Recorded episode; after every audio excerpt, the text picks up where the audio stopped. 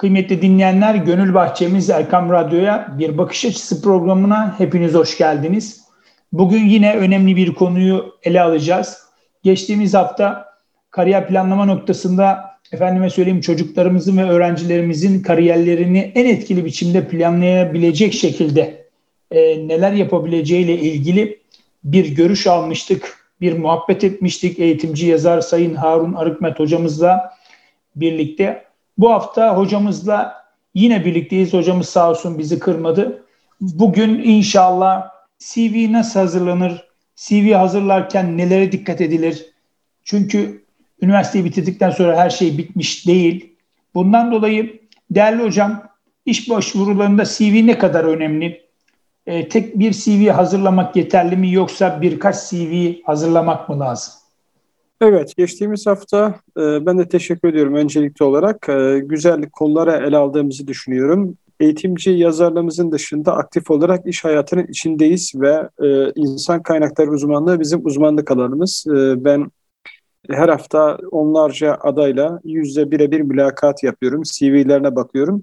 Sadece işin teorik boyutunda değil, pratik olarak da adaylarla yüz yüze görüşme gerçekleştiriyorum ki bu görüşmeler e, mühendisten tutun e, felsefesine, işte bir e, öğretmenden tutun e, birçok branş tek tek e, bu anlamda uygun pozisyonlar için tek tek elimizden geçiyor. E, CV'lerine bakıyoruz, adaylarla birebir mülakat yapıyoruz. Adaylar içerisinde seçim yaparken nelere ince hassasiyetle dikkat ediyoruz. Bunun tam içindeyiz. Bu hususta işin pratik boyutu noktasında büyük deneyimlerimiz var. Bunu ben bugün özellikle paylaşmak istiyorum. CV önemli. Yani mülakattan önce e, bir defa insan kaynakları uzmanlarına CV'ler gidiyor. Yani bizim adımıza CV konuşuyor. CV e, insan kaynakları uzmanlarının pozisyon için arada aranan kriterlere ben de uygundur, uygunumdur diye mesajı ileten, yazı diliyle konuşan bir mesaj. Ee, öncelikli olarak e, böyle bir CV ile müracaat yapmak gerekiyor. Yani her yere biz hani yüzle görüşme gerçekleştiremeyiz. Ee, insan kaynakları bakıyorlar. Ee, öncelikli olarak kendi müesseselerinin, işletmelerinin, şirketlerinin ya da kamunun e, pozisyon için hangi kriterlere ihtiyaç var? Yani yöneticiler ne tür kriterler arıyorlar? Tek tek bunlara bakıyorlar. Bu kriterlerle CV'yi tek tek örtüştürüyorlar.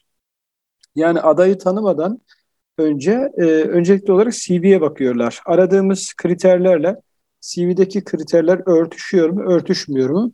Eğer örtüşmüyorsa otomatikmen eleniyor ve aday havuzuna konuluyor. Eğer örtüşüyorsa, kriterler noktasında doğru bir uyum varsa işte o zaman ikinci defa yeniden gözden geçirilip belki mülakat için davet edilecek adaylar arasına girme şansımız var.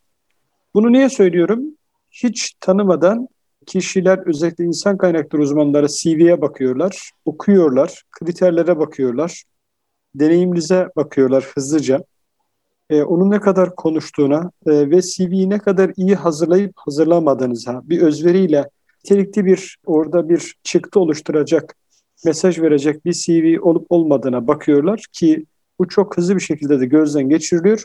Eğer gerçekten bir emek sarf etmişseniz tüm deneyiminiz, eğitim ve iş özgeçmişiniz burada görünüyorsa siz mülakat için belki bir hak kazanıyorsunuz. Eğer e, gerçekten gayri ciddi, özverisiz, e, düzgün çekilmemiş fotoğraflar, e, im, çok ciddi imla kuralları da hatalar, devrik cümleler, e, kronolojik bir sırada olması gereken bir şeyin tam tersi, düzensiz, gelişi güzel yapılmış her CV inanın hızlı bir şekilde bir 10-15 saniye belki çok nadir 30 saniye bakılıyor ve doğru çöpe gidiyor.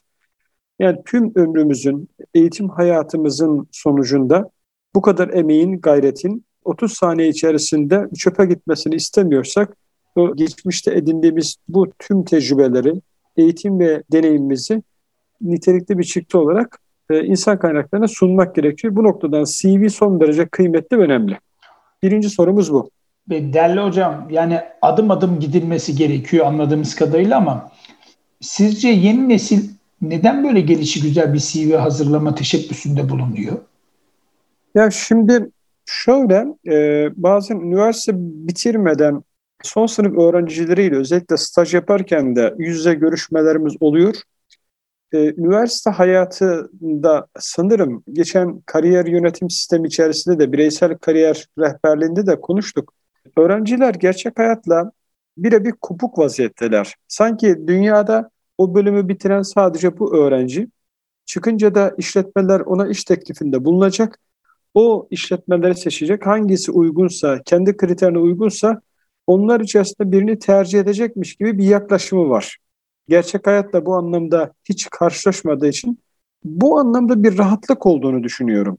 Yani bu rahatlıkla çok geç e, maalesef karşılaşıyorlar. Yani ilk defa mülakatla karşı karşıya kaldıklarında e, CV'lerinin bu anlamda e, çöpe gitmesi ya da ilk mülakatta ters yüz olmaları, çok olumsuz sonuç almaları, hele hele üstüne 2-3 defa böyle olumsuz sonuçla karşı karşıya kaldıktan sonra üniversitenin sadece yani okuması gereken bir bölüm ama gerçeğin bundan bambaşka daha zorluklarla iç içe olan bir durum olduğuyla ancak o zaman karşılaşıyor.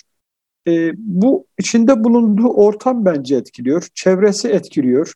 Gerçek hayattaki insanlarla çok irtibatlı olmadığı için bu konfor alanı etkiliyor. Dolayısıyla CV hazırlama ya da mülakata hazırlanma ya da iş bulma noktasında bir hazırlık noktasında e, bir rahatlık olduğunu düşünüyorum. Bunda insanın kendi tabii çevresi de, kendi ailesi de, e, okul çevresi de, iş çevresi de etkiliyor.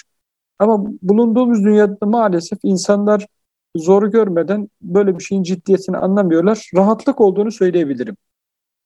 E, değerli hocam, bir CV veyahut da birkaç CV hazırlamak gerekir mi? Detaya biraz daha girecek olsak. Şimdi şöyle, e, öncelikli olarak şunu ifade etmek istiyorum. Bir iş yerine ya da herhangi bir sektörde bir pozisyon için müracaat etmeden önce CV'mizi hazırlamak gerekiyor. Aksi takdirde bir yerde herhangi bir iş ilanı bulduğumuzda çok hızlıca CV hazırlamaya çalışıyoruz. E, bu da maalesef çok hızlı bir zaman içerisinde hazırlanan CV'ler ki kısa sürede bir gecede bir iki saat içerisinde yapılan CV'lerde çok ciddi hatalar oluyor. Öncelikli olarak bu işi biraz daha geriye alıp müracaat etmeyi planladığımız pozisyon ya da sektörler için o sektörlerin e, kendi dinamiklerine dikkat alarak gerekli araştırmaları yaparak önceden CV hazırlamak birinci şartımız. Gelelim ikinci kısma. Bir değil bazen birkaç tane CV hazırlamak gerekiyor. Belki özü itibariyle CV'ler yüzde yüz birbirine kesinlikle farklı olmayacak. Ancak şunu belirtmek isterim.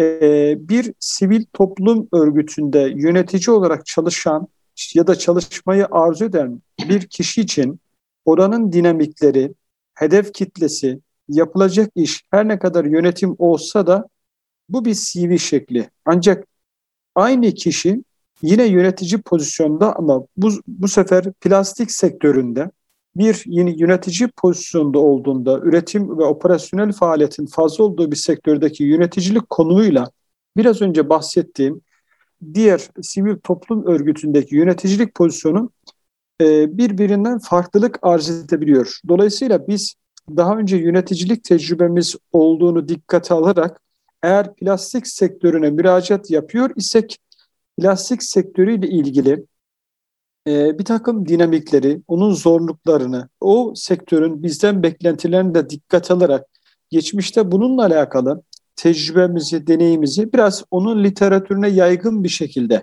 evet farklı farklı sektörlerde deneyimim oldu ama bu, bu sektöre de çok uzak değilim. Bununla alakalı şu şu şu dinamik yapıyı biliyorum ve rahatlıkla üstesinden gelebilirim diyerek Böyle bir CV ya da farklı CV'leri en az birkaç tane CV'de hazırlamak bizim elimizi güçlendirecektir diye düşünüyorum. Aksi takdirde plastik sektörüne ya da bir inşaat sektörüne ya da bir e, tıpla alakalı, bir hastaneyle alakalı bir sektöre müracaat ettiğimizde e, oradaki örneklerimiz sektöre özgü olmayınca biraz daha e, hafif bir CV kalacak. Dolayısıyla diğer adaylar nezdinde biraz da geride kalma riski barındırıyor diye düşünüyorum. Yani hocam anladığımız kadarıyla CV hazırlandı tamam ama karşı tarafı da ikna etmek lazım. Yani yazmak yeterli değil. Karşı tarafı da tabii evet. ki ikna etmek lazım. Donanımı göstermek lazım. Ee, CV'ler hangi bölümlerden oluşmalı Sayın Hocam? Evet CV'ler yani akademik e, ve iş dünyasına yönelik CV'ler var. Akademik kısmı biraz daha belki daha literatür ağırlıklı bölümler, birimler e, ya da işletmeler için geçerli. Ama biz biraz daha iş dünyasından bahsedecek olursak iş dünyasının odaklandığı mesleki yetkinlik bizim için birinci kademede önemli. Sektörümüzle alakalı deneyimimiz önemli. Mesela inşaat mühendisiyiz. Bununla alakalı 3 yıllık tecrübem var. Daha doğrusu 3 yıl önce okulu bitirdim. Hmm, kendi mesleğimle alakalı e, sertifikalara sahibim. E, birkaç yerde staj yaptım. Bir iki tane inşaatla alakalı e, sektörün belki e, tanıdığı veya tanımadığı inşaat firmalarında çalıştım. Aynı zamanda mesleki bu anlamda tecrübe elde ettim. Biz tecrübeye bakıyoruz, mesleki yetkinliğe bakıyoruz. Bir diğeri de bu süre içerisinde e, herhangi bir sorumluluk alıp almadığına bakıyoruz. Dolayısıyla bu üç kademe işin yukarıdan itibaren kronolojik boyutundan biraz daha önemli e, bir durumla karşı karşıya kalıyor. Yani bizim en önemli durum bu. Yani yukarıdan itibaren baktığımızda yani kronolojik bilgi dediğimiz adımız, soyadımız, adresimiz, e, telefon numaramız ve ikinci bir ulaşılamadığı takdirde telefon numarası. Mail adresinin mutlaka olması lazım. İkinci bir mail adresi varsa mümkün. Çünkü bazen aktif olarak hangisini kullanıyorsak onu yazmamız gerekiyor. Bitirdiğimiz okulları e, en sondan başlayarak yukarıdan aşağı kronolojik bir şekilde sıralamakta fayda var. E, hemen altında alan içi yani bitirdiğimiz bölümle alakalı sertifikalarımız olup olmadığı yine kronolojik bir sırada ne kadar sürede e, nereden aldık kısa kısa belki tarihleriyle yazmak yeterli olabilir. Bir de alan dışı sertifikalar. Yani sadece alan içi değil, alan dışı sertifikaları da bizim için önemli. Yine artık çağımızın çok kıymetli e, özelliklerinden bir tanesi, yani herkes için olmazsa olmaz bilgisayar okur yazarlığı.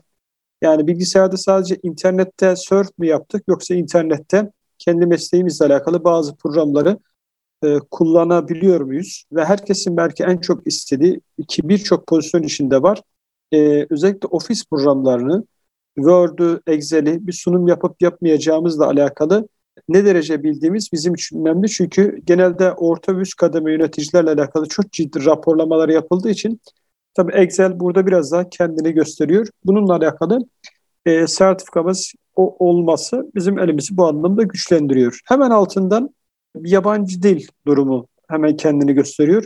Çoğu CV'ye baktığımızda konuşma orta, yazma orta, e, okuma orta şeklinde maalesef kendini gösteriyor. Biz de mülakatlarda bunu sorduğumuzda, bunun seviyesini sorduğumuzda aslında her üçünün de orta değil, başlangıç düzeyinde olduğunu görüyoruz. Yani hepsine orta orta yazmak yerine bununla alakalı bir kurs ya da akredite olmuş bir kurumdan bir sertifika almışsanız onu yazmak elimizi biraz daha güçlendirir diye düşünüyorum. Mutlaka olması gerekiyor. Bunun altında az önce bahsettiğim gibi genelde kurumların, kuruluşların, işletmelerin en çok dikkatini çeken alanlardan bir tanesi aradığımız pozisyona uygun bölümlerden birini bitirip bitirmedi. Çünkü bazen e, tek bir bölüm mezunu istemeyebilirler. Mesela şöyle denilebilir. E, idari işler pozisyonda bir şube müdürü aranıyor ya da bir yönetmen aranıyor ya da takım lider aranıyor. Hemen altında şu geçer. İşte 4 yıllık e, lisans eğitimi veren fakültelerin işletme, iktisat, ekonometri, endüstri mühendisliği, e, insan kaynakları bölümlerini bitirmiş ol, herhangi birini bitirmiş olmak der ve çok arz ediyorsa, istediği çok özel bir bölüm varsa, mesela işte insan kaynakları diyorsa tercihen insan kaynakları mezunu diye de onu ayrıca belirtir. Ancak bu tercih edilme şekli e, hemen tercih edileceği anlamına gelmiyor. Yani başka bir aday e, iktisat ya da işletme bitirmiştir.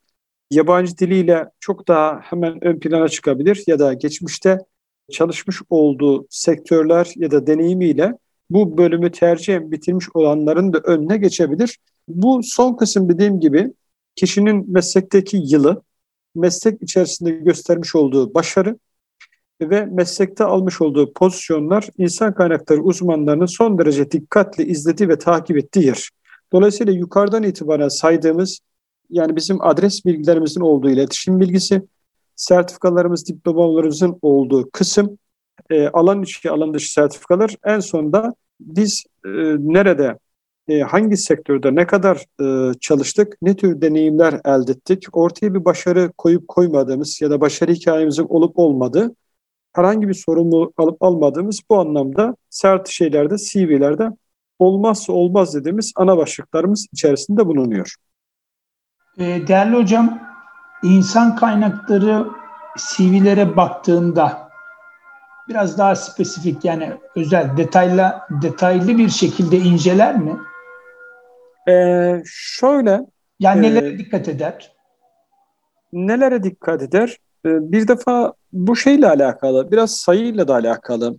Şöyle örnek vereyim. Genelde insan kaynakları bir kurum içerisinde iki türlü ilana çıkar. İlanın bir tanesi kurum içi ilandır. Yani kurum içi kariyer basamaklarında bir pozisyon olduğunda ilk etapta içeriden bu pozisyona uygun bir ekip arkadaşı bulabilir miyiz diye biraz daha büyük firmalar ilk önce buna bakarlar.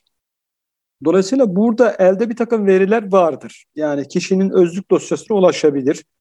Geçmişte hangi bölümü bitirip bitirmediğini, firmada ne kadar süreden beri çalışıp çalışmadığını tespit edebilir. Ve çok da arzu ederse çağırıp birebir yüzle hızlıca görüşebilir. Burada eli biraz daha güçlü. Eğer içeriden bu hususta aradığı pozisyon için kriterlere uygun aday bulamazsa e, bu çerçevede dışarıda iki yere müracaat eder. Bir, insan kaynakları uzmanlarının e, genelde kendi bir networkleri vardır. Bunu biraz daha e, dar çerçevede pozisyona uygun olarak bir araştırmasını yapar. Bu kriterler çerçevesinde uygun adaylar var mı diye bakar.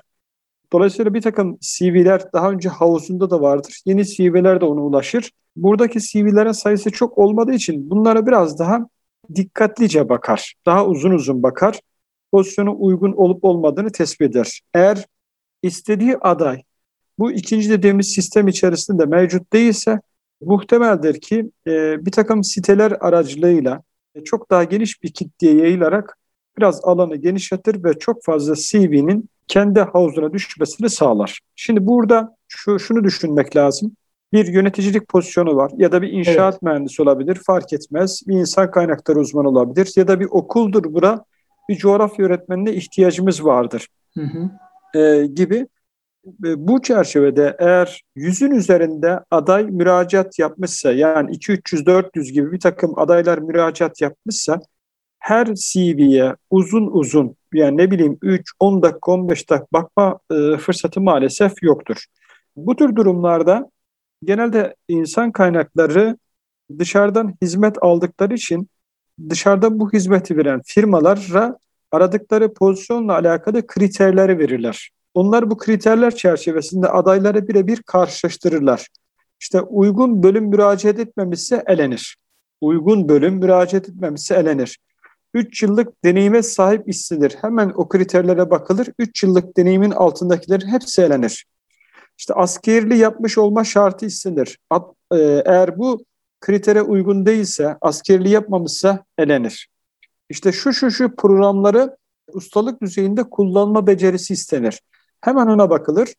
E, bu çerçevede bunları kullanamayanlar otomatik otomatikmendir. E, bir baktığımızda 300 tane aday içerisinde elimizde belki bir 30 tane aday kalmıştır. İşte bu 30 tane adaya, 30 adayın CV'sine insan kaynakları uzmanlığı biraz daha daha derinlikli bakmaya başlarlar. Neden?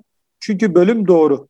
Askerliğini yapmış, 3 yıllık e, kriter konulmuş deneyim olarak böyle bir deneyime sahip. Geçmişte sektörle ilgili bu firmalarda e, sektörlerde çalışmış. Bununla alakalı bazı başarı hikayeleri var.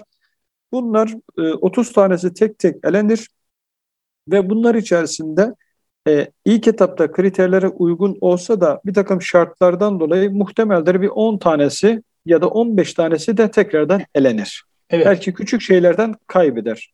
Sonuçta geriye 15 tane aday kalınır. Bu adaylar içerisinde 1, 2 belki 3 tane aday alınacaktır. Bu 15 tane aday yüz yüze mülakat için artık ilgili tarih ve saat için yüz yüze mülakat için ya da online mülakat için ofise ya da mülakat yerine davet edilir. Evet. E, değerli hocam, tabii çok önemli bilgiler. E, geçtiğimiz hafta da zaten bir farklı boyutunu konuşmuştuk. Kısa bir aradan sonra inşallah kaldığımız yerden devam edelim. Sevgili dinleyicilerimiz kısa bir aradan sonra programımıza kaldığımız yerden devam edeceğiz. Buluşma noktamız Erkan Radyo. Evet, sevgili dinleyicilerimiz kaldığımız yerden devam ediyoruz. Geçtiğimiz hafta ve bu hafta eğitimci yazar Harun Arıkment hocamızla beraberiz. Öncelikle kariyer planlamayı değerlendirmiştik geçtiğimiz hafta. Bu hafta çok önemli yine bir konuyu ele alıyoruz. CV nasıl hazırlanır, nelere dikkat edilir, insan kaynakları en çok CV'de ne arar bunları konuşuyoruz. Değerli hocam e, bir önceki yani reklam öncesinde konuştuğumuz yerden devam edeceğiz ama ben üstüne bir şey daha eklemek istiyorum müsaadeniz olursa.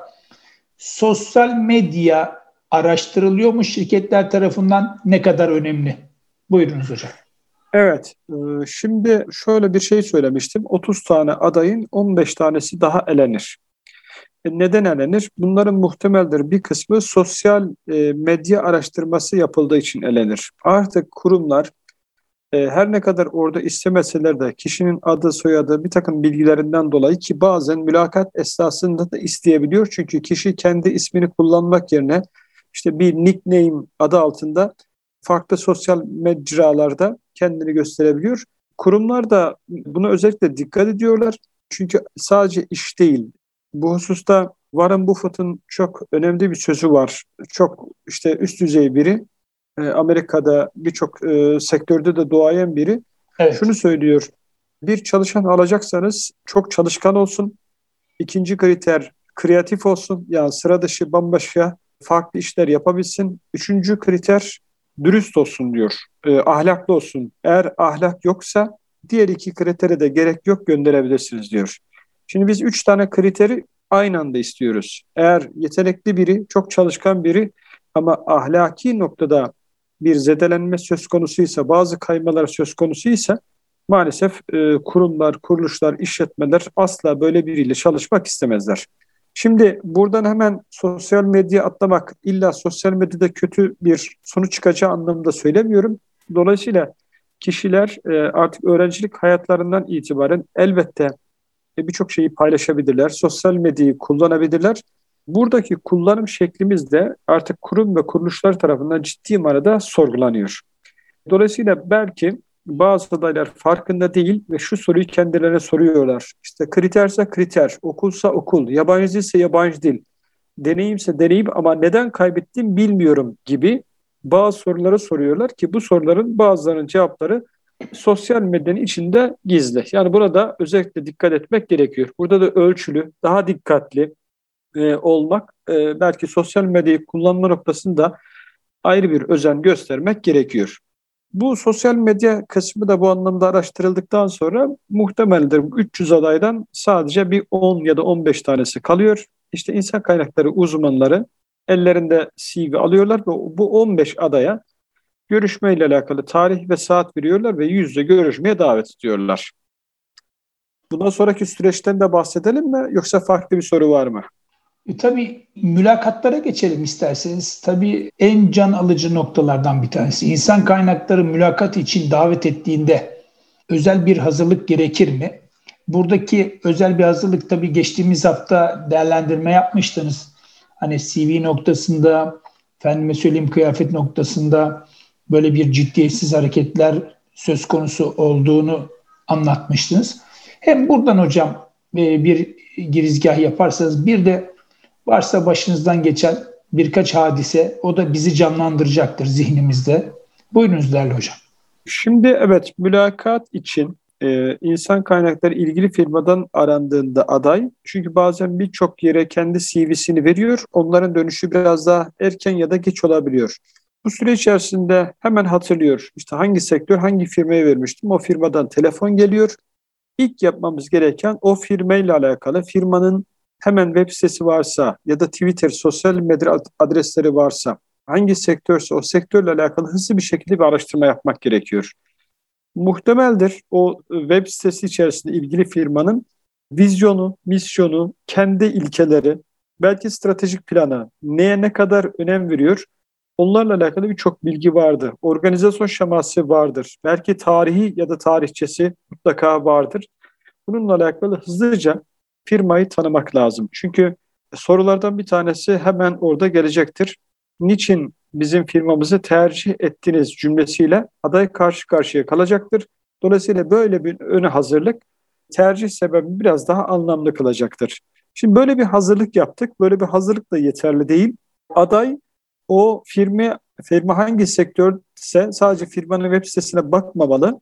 Benzer firmaların da web sitesine de sektörden bir takım haberlere, sektörün risklerine, sektörün, sektörün fırsatlarına, belki gelecekle alakalı tehditlere e, bu hususta hızlı bir şekilde bakabilir. Ön hazırlığını bu noktadan daha sağlıklı yapabilir. Yani kesinlikle bu hazırlıkları yapmadan adayların mülakata gitmesini tavsiye etmiyoruz. Mutlaka sektörel bir hazırlık yapmasında fayda var. Özellikle firma ve sektör bazında.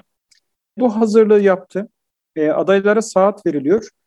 Bu saate mutlaka riayet etmeleri gerekiyor. Yani son dakikaya bırakmamaları e, önemli rica olunur. Çünkü tüm gelen adaylar aşağı yukarı e, biliyorsunuz işte İstanbul şartları, işte Ankara şartları, büyükşehir şartları adı altında trafiği bahane ederek geç kalabiliyorlar. Bu e, aslında kabul edilebilir bir şey değil. Eğer mücbir bir sebep yok ise mutlaka önceden orada bulunmak lazım.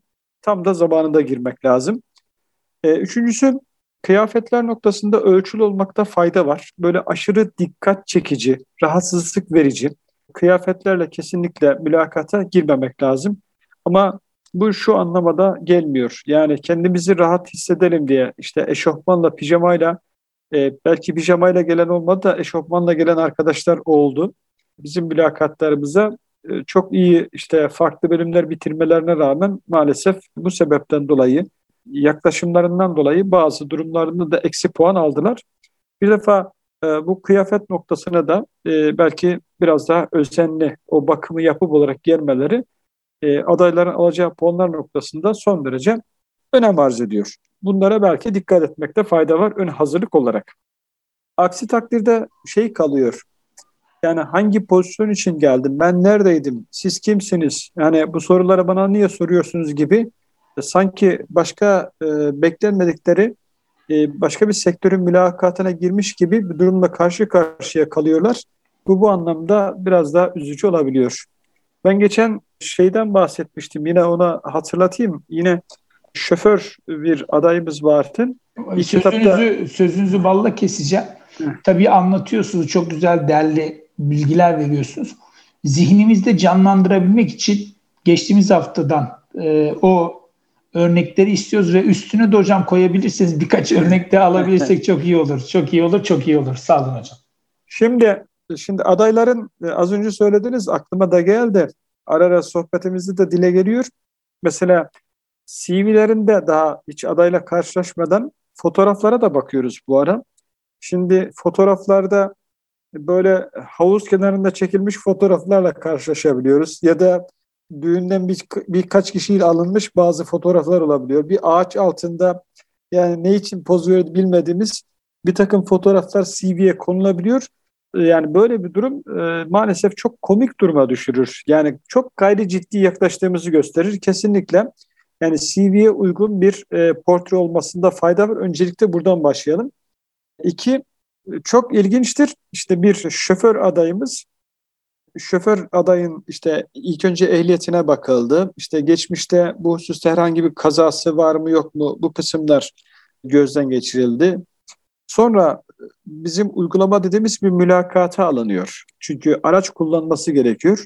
E, uygulama alakalı sonuçta bir oradan olumsuz bir cevap geldi ve aday şaşırıyor. Adaya şu soruyu sorduk.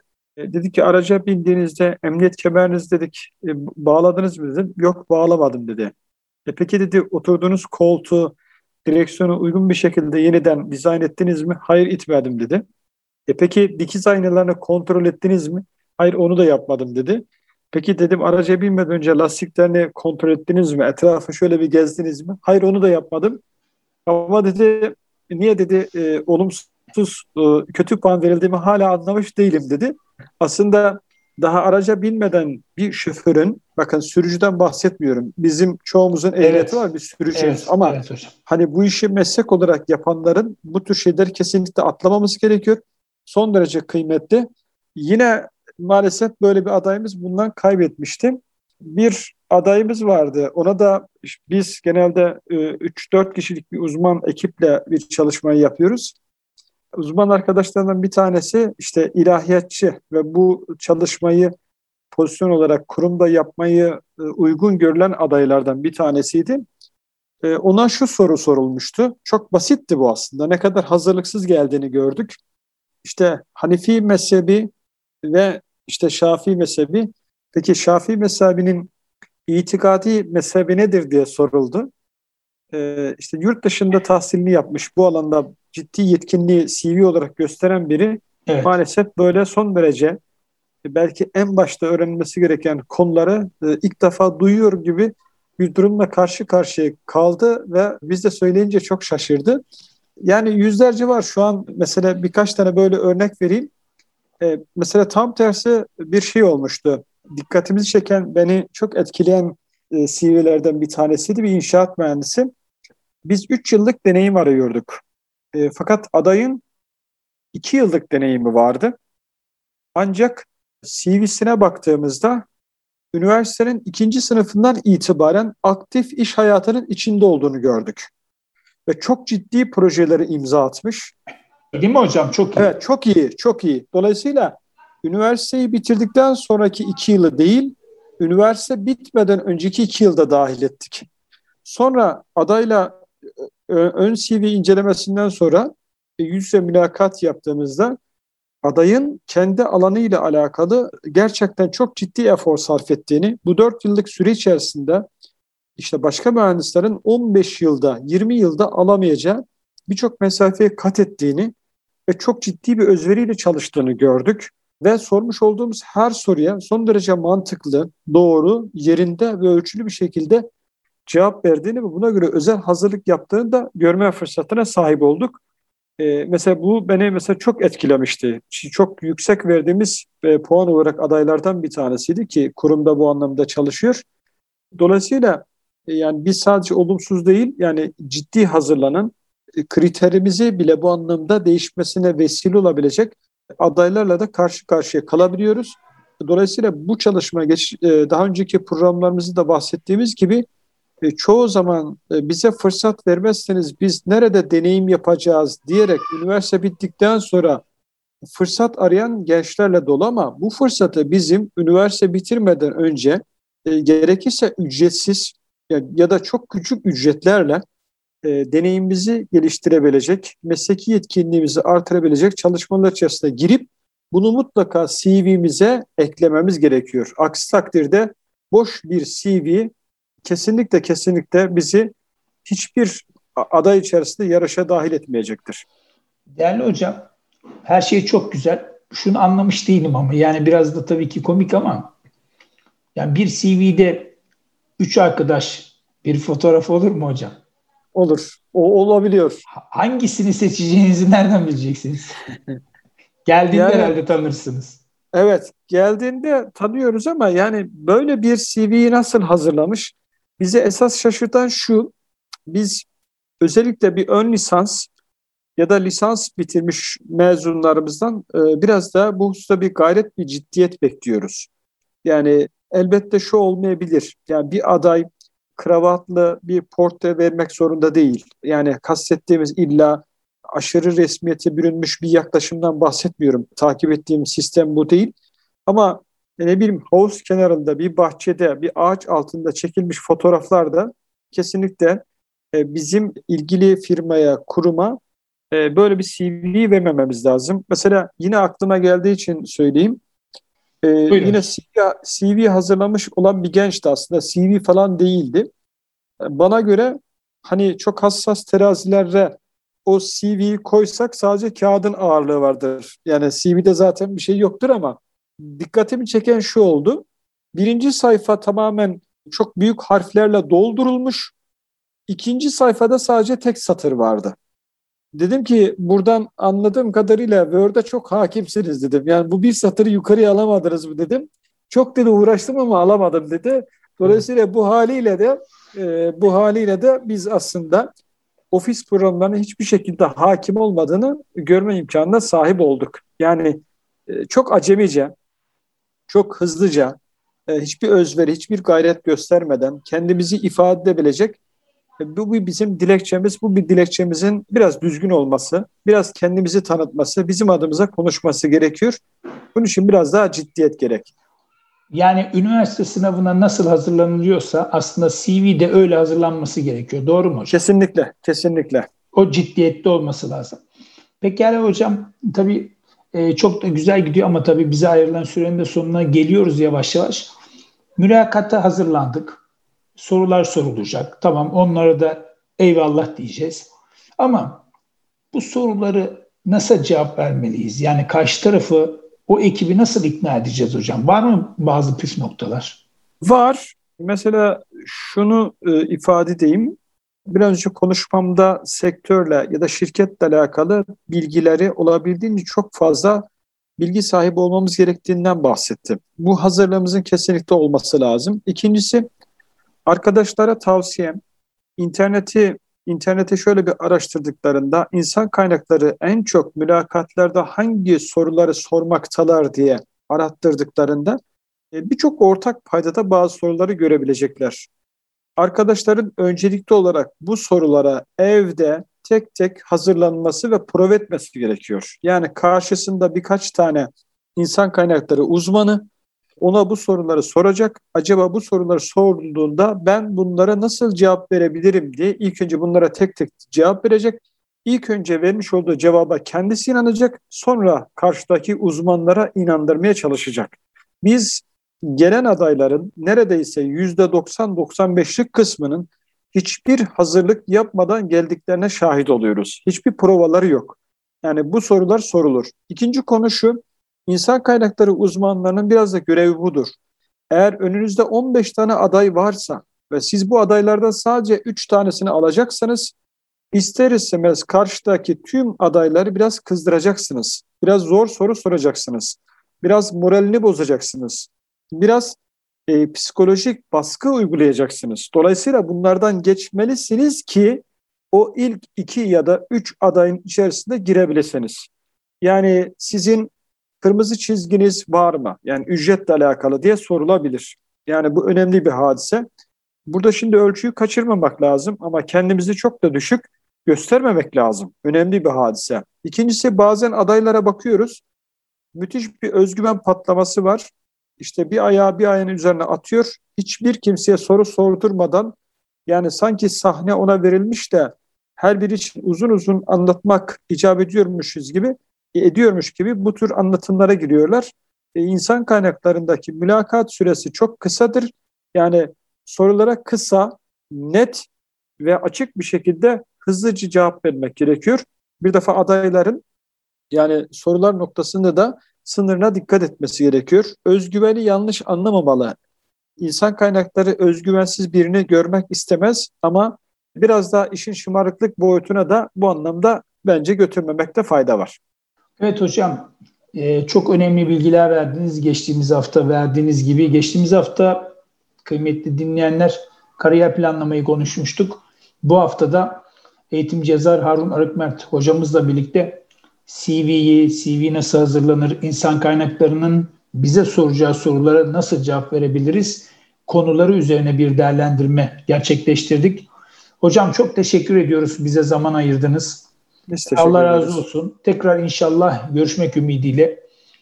Kıymetli Harun Arıkmet hocamıza teşekkür ediyoruz. Bize vakit ayırdıkları için. Gönül Bahçemiz Erkam Radyo'da bir bakış açısı programımızın daha sonuna gelmiş bulunuyoruz.